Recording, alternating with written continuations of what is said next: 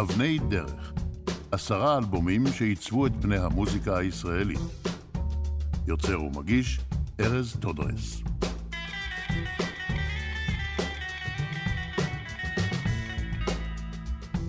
ז'ול ורן אמר, מה שאדם אחד יכול לדמיין, אדם אחר יכול לממש.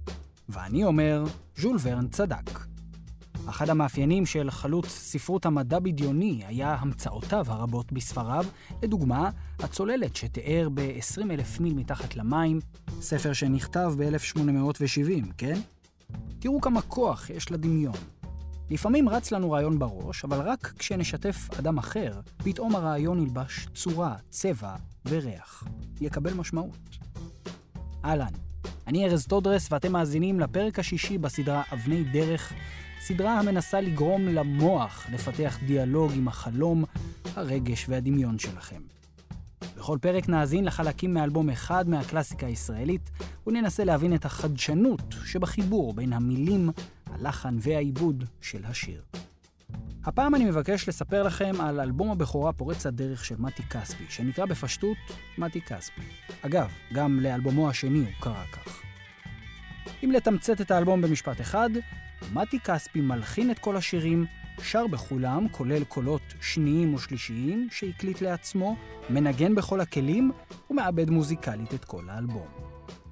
שירי האלבום עוסקים באהבה, געגוע, בכלבלב שנכנס לאטליז, בדברים שהיה לאלוהים לומר בפעם הראשונה, בטענות אל נוח והתיבה שלו, בקצין צה"ל שמרשה לעצמו יותר מדי, בכוכב שמרשה לעצמו יותר מדי, ובמישהו שיודע בוודאות שהוא ימות בקיץ. אז מה אתם אומרים? שננסה להבין מה זה שיבוטה?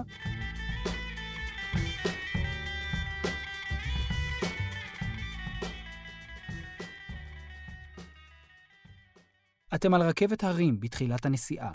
הרכבת מטפסת באיטיות בעלייה תלולה, ואתם יודעים שממש בעוד מספר שניות היא תיפול בירידה חדה.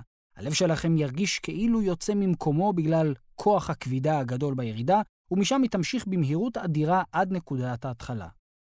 זאת בדיוק ההרגשה שלי בכל פעם כשאני שומע את הפתיחה של שיר הפתיחה באלבום, כשאלוהים אמר בפעם הראשונה. את המילים כתב נתן זך. תקשיבו איזה drive יש בגיטרה של כספי.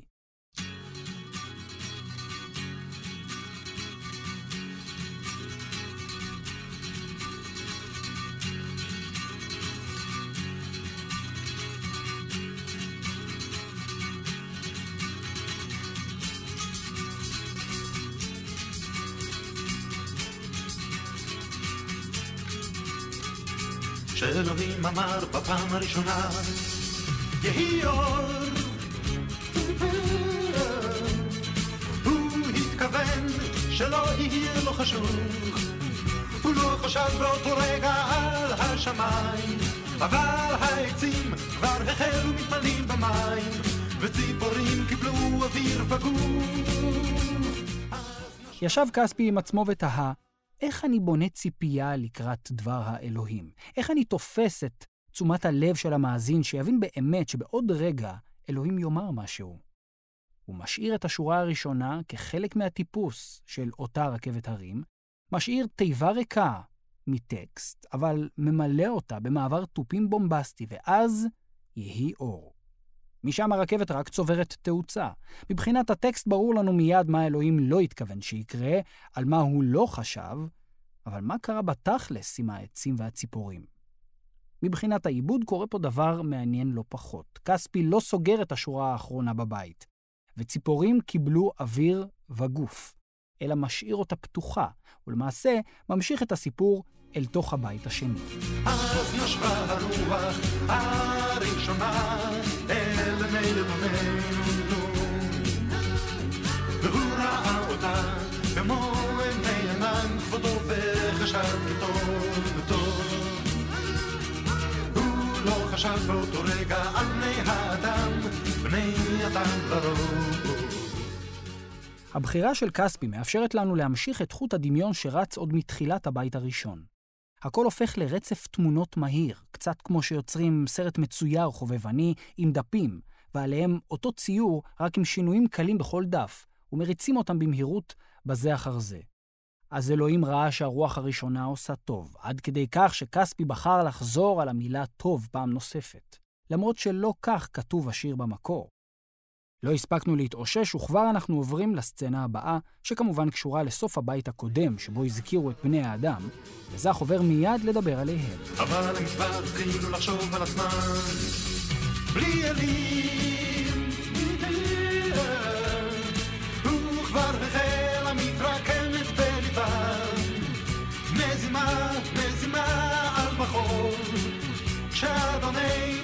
חשב בתחילה על הלילה. חשב, לא חשב עד שינה. ובבחירתו לשמור על המבנה, כספי מעניק לדעתי את אותה חשיבות לבני האדם. רכבת ההרים מתכוננת לצאת לסיבוב נוסף דרך משפט הפתיחה, אבל הם כבר התחילו לחשוב על עצמם, ושוב, אל סערת הנסיעה, בני אדם בלי אלים. מזימה בליבם, הלילה והשינה. זך השאיר בעיה לא פתורה שבנויה שונה משלושת הבתים. ארבע שורות קצרות המציגות לנו את המחשבה הנאיבית של אלוהים מול המציאות האנושית. כך, כך יהיה מאושר, אמר בליבו האלוהים הטוב, האלוהים הטוב, אבל הם כבר היו לרוב אלוהים הטוב. כספי מקשט בסולו, בגיטרה חשמלית ברקע, לאורך כל הפזמון, ובכך למעשה מבליט את המחשבה בליבו של אלוהים. כך, כך אהיה מאושר. וכדי להגביר לנו את הניגוד בין הביטחון של אלוהים במחשבתו לבין המציאות שבני האדם הם כבר נתון קיים בשטח, הוא מסיים את הפזמון בנקודה גדולה וברורה, בצורת בייס דראם, תוף הבאס הגדול במערכת התופים, יחד עם תו נמוך בגיטרה באס, ועוד כמה אפקטים על זה, ומה שלאוזנינו נוצר זה סוג של בום על-קולי, אפילו אפשר לומר מפץ גדול. אם לא הבנתם את זה עד עכשיו, במידה והכל חלף מהר מדי לנגד עיניכם, אל דאגה, כספי בוחר לשיר את הכל שוב. אבל רגע, האם אתם זוכרים כמה כספי אוהב טמבורין? דיברתי על זה בפרק הקודם, על הנשמות הטהורות. שימו לב למקום המדהים בו הוא בוחר להכניס אותו הפעם. כשאלוהים אמר בפעם הראשונה, יהי אור בסבב רכבת ההרים השני, כספי מעמיס עוד הרמוניות שירה לאורך כל החלק הזה, פשוט שר ב overdub, מוקלט על עצמו בערוצים נפרדים, מה שיוצר מעין התפחה של השיר, כמו לחם בתנור ששמריו רק הולכים ותופחים. מבחינה כלית, השיר מורכב מגיטרה אקוסטית בכמה שכבות, גיטרה בס, תופים, טמבורין, מלוטרון, הכלי עם הסלילים המגנטיים הדוגם צלילי כינורות, וגיטרה חשמלית. זהו אחד השירים העשירים ביותר מבחינה מוזיקלית, ולאו דווקא בגלל עומס הכלים, כמו בגלל הצבע הכללי שלו. משהו שם לוקח אותנו קדימה ולא עוצר. ואם שאלתם את עצמכם מדוע אין פסנתר בשיר, כי הרי כספי פסנתרן מוכשר ביותר, ובכן התשובה היא שעל מנת לשמור על השיר רענן ואנרגטי, כספי בחר להקליט בסולם פא דיאז פלוס רבע טון למעלה.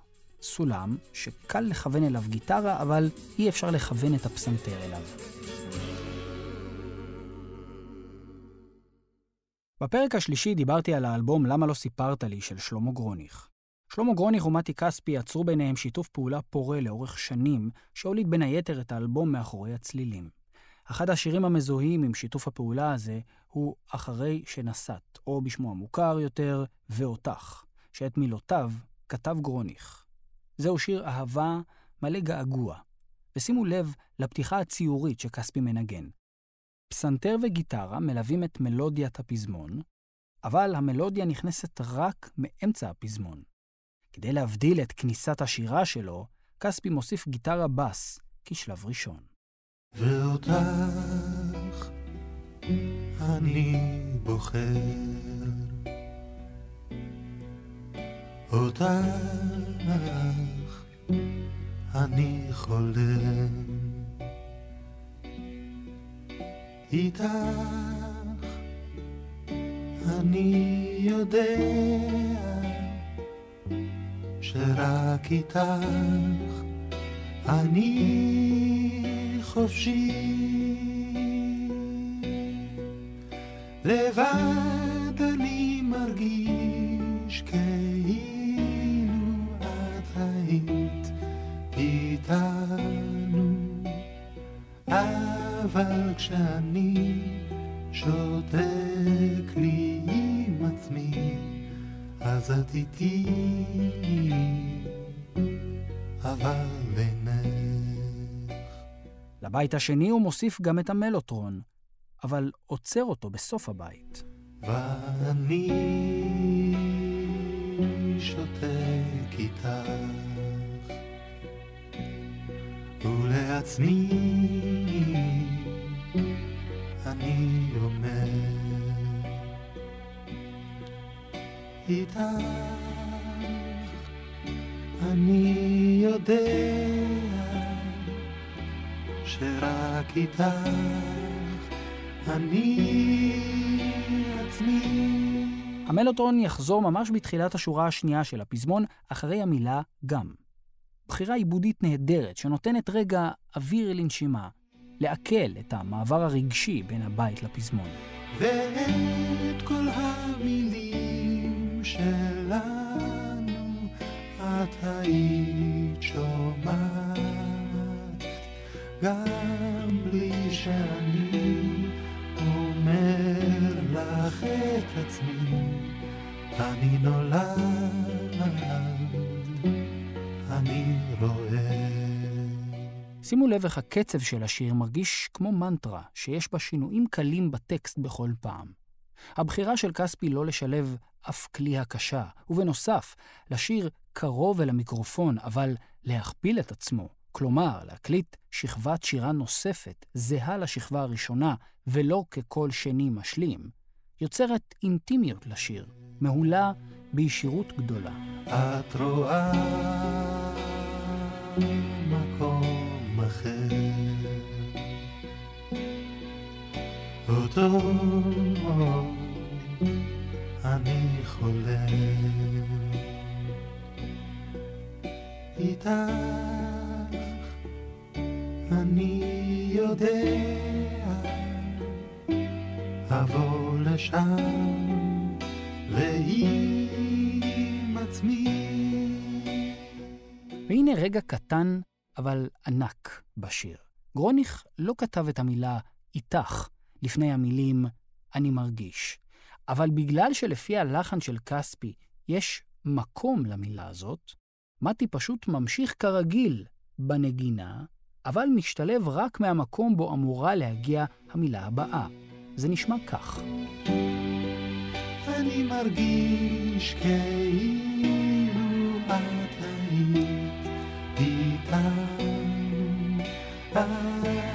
אבל כשאני שותק לי עם עצמי, אז את איתי, אבל אינך.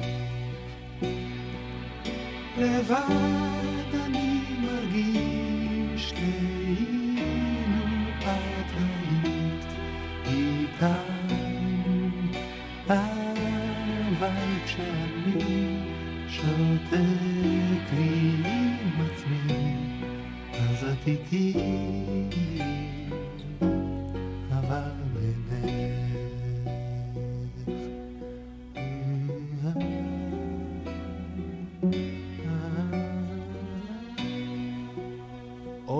קצר, וכספי יוצר סגיר מלודי הגיוני לשיר.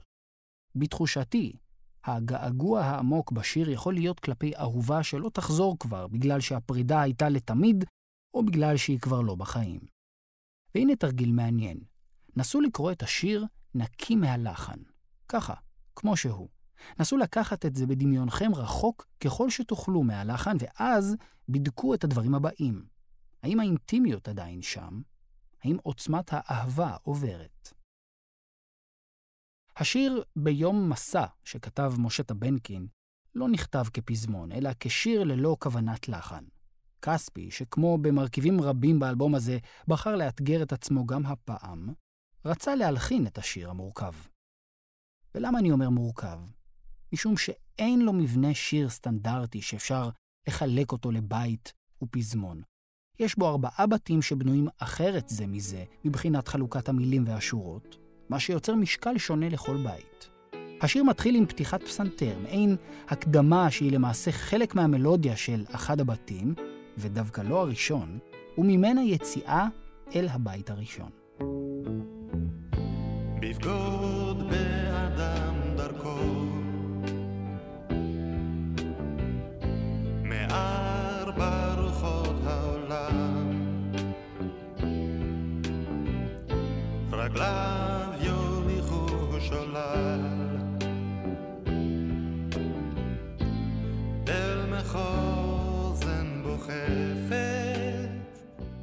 השורה הראשונה, בבגוד באדם דרכו, היא למעשה הצגת נושא השיר. מה קורה כשהדרך בה בחרנו לעשות משהו בחיינו בוגדת בנו?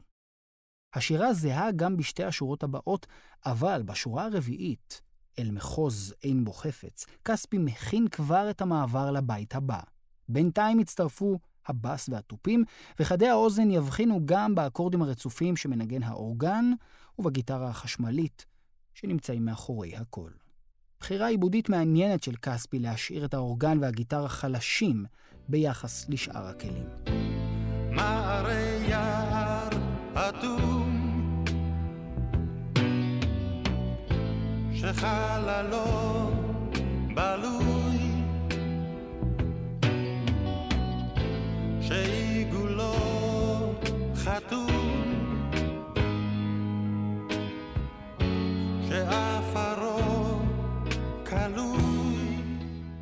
רגע אחד, מה זה מערי יער? ובכן, הכוונה היא לשטח יער שאין בו עצים, כמו קרחת יער. כמובן שאפשר להשתמש בזה כדימוי לדברים רבים, אבל שימו לב איך כספי מתמודד עם המבנה. הרי יש כאן שם עצם ומקף, ואז התיאור שלו. מערי יער אטום, שחללו בלוי וכולי. לכן, בסוף של כל שורה כזאת יש מעין חתימה מלודית. שיא החתימה הוא אחרי המילה חתום. החתימות האלה מעניקות דרמטיות לחלק הזה. ואז, בבית השלישי נדמה שהאווירה נרגעת שוב. שאין בו אבן על אבן שאין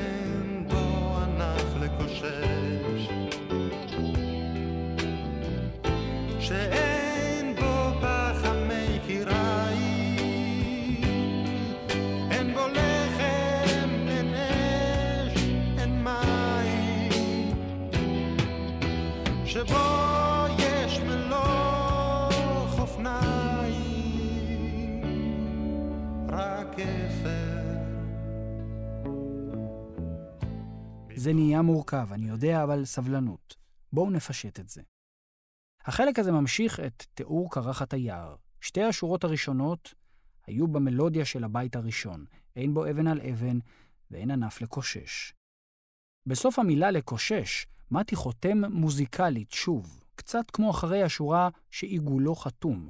כל זאת כהכנה למעבר המודגש שכספי יצר עבור החלק הבא, שאין בו פחמי קיריים. פחמי זאת צורת הסמיכות רבים של פחמים. כלומר, יש כאן הדרגתיות מסוימת. הרי החלק הקודם מסתיים ב"שעפרו כלוי", כלומר, האדמה נשרפה. המקום הרוס, ולראיה, אין בו אבן על אבן וגם לא ענף לקושש. ואם חשבתם שבגלל השרפה תמצאו לפחות פחמים, טעות בידכם. ואחרי כל זה באה הזעקה. ההכנה המוזיקלית בשורת הקיריים מאפשרת למטי להמשיך לזעוק, אין בו לחם, אש ומים. ומבחינת העיבוד, תוף הסנר עובר לצליל המלא שלו, אחרי שעד עכשיו נקש על הטבעת, הרים המקיפה את האור. ומה כן יש ביער הזה? הרבה אפר שאפשר להחזיק בשתי הידיים. איך אני יודע שמדובר בשתי ידיים ולא באחת? בגלל שהמילה חופניים היא צורת הזוגי של חופן. הביטוי מלוא חופניים פירושו שפע, מידה קדושה, אבל כשהוא מגיע יחד עם המילה אפר, נוצרת מעין אירוניה. המעבר מהסנר המלא בחזרה לטבעת, ממש לפי המילים רק אפר, מדגיש את האכזבה מהתוצאה ממה שנותר ביער. ואת כל זה מאוד קל לדמיין. זאת הגדולה של לפצח טקסט, גם אם הוא מורכב, בעזרת המנגינה. מתי חוזר על השיר עוד פעמיים, ואז יוצא לקטע מאולתר קצר בקולו, ומשם ממשיך את השיר מהבית השני ועד סופו.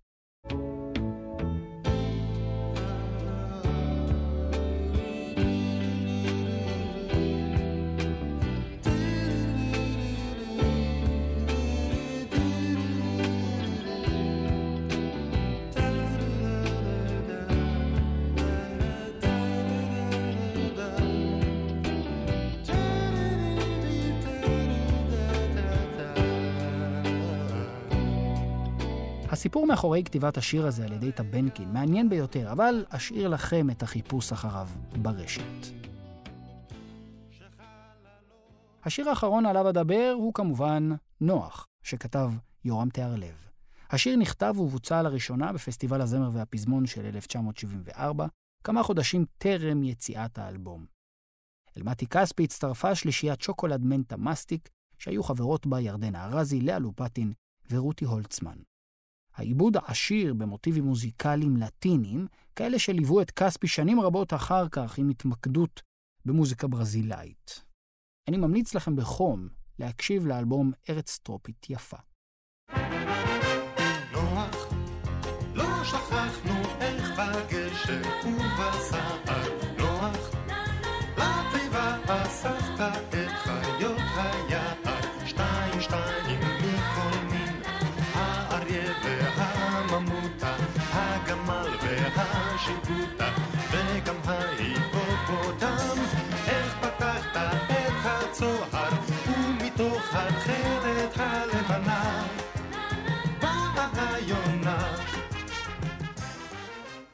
בגלל שהשיר השתתף בתחרות זמר עברי, ובגלל שתמיד בתחרויות האלה הייתה תזמורת שליוותה את המבצעים, יש בעיבוד שלל כלי נשיפה וכלי מיתר. לשיר יש ארבעה בתים זהים במבנה, וכספי יצר לחן זהה לכל בית שפשוט חוזר על עצמו.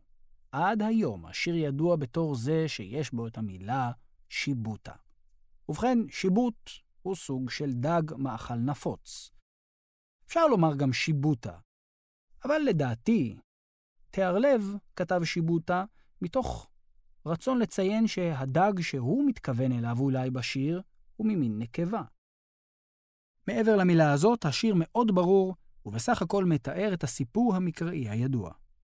את הבית הזה כספי שר לבד, והבנות מלוות אותו בקולות רקע. הנה הבית השני. נוח, כמה זמן נמשיך לשוט על פני המים? נוח,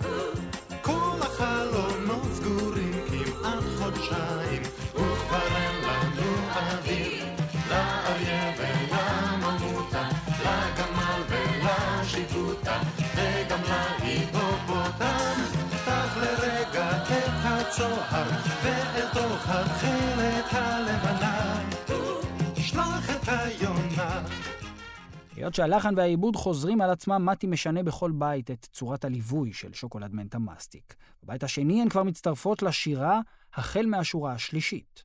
אגב, מי לדעתכם פונה אל נוח עם כל השאלות והבקשות הללו? כל החיות? אחת החיות? בני האדם? מעניין. בכל מקרה, כספי דואג לשמור על דיאלוג בינו לבין ההרכב לאורך כל השיר. הבית השלישי מדגים את ההומור הייחודי של כספי, שברובו בנוי על תחכום מילולי מהול באדישות טוטאלית.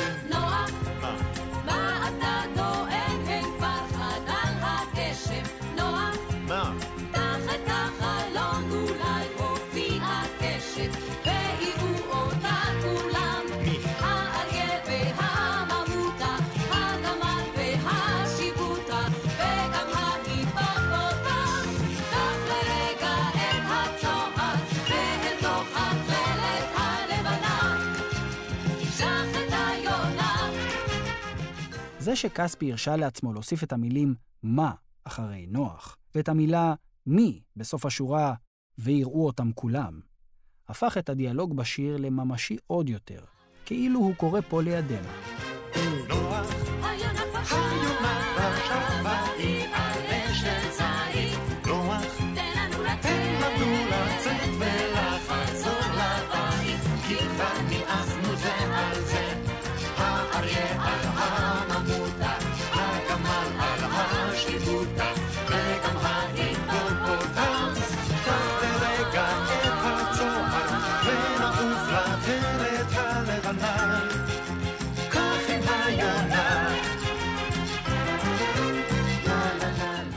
מעבר ללחן הקליט, מעבר לעיבוד העשיר והססגוני, הפיצוח האמיתי של כספי הוא בבחירת תפקידי השירה השונים בכל בית. האלמנט הזה לבדו יוצר דינמיקה אדירה בינו לבין השלישייה, וזה קסמה של היצירה הזאת.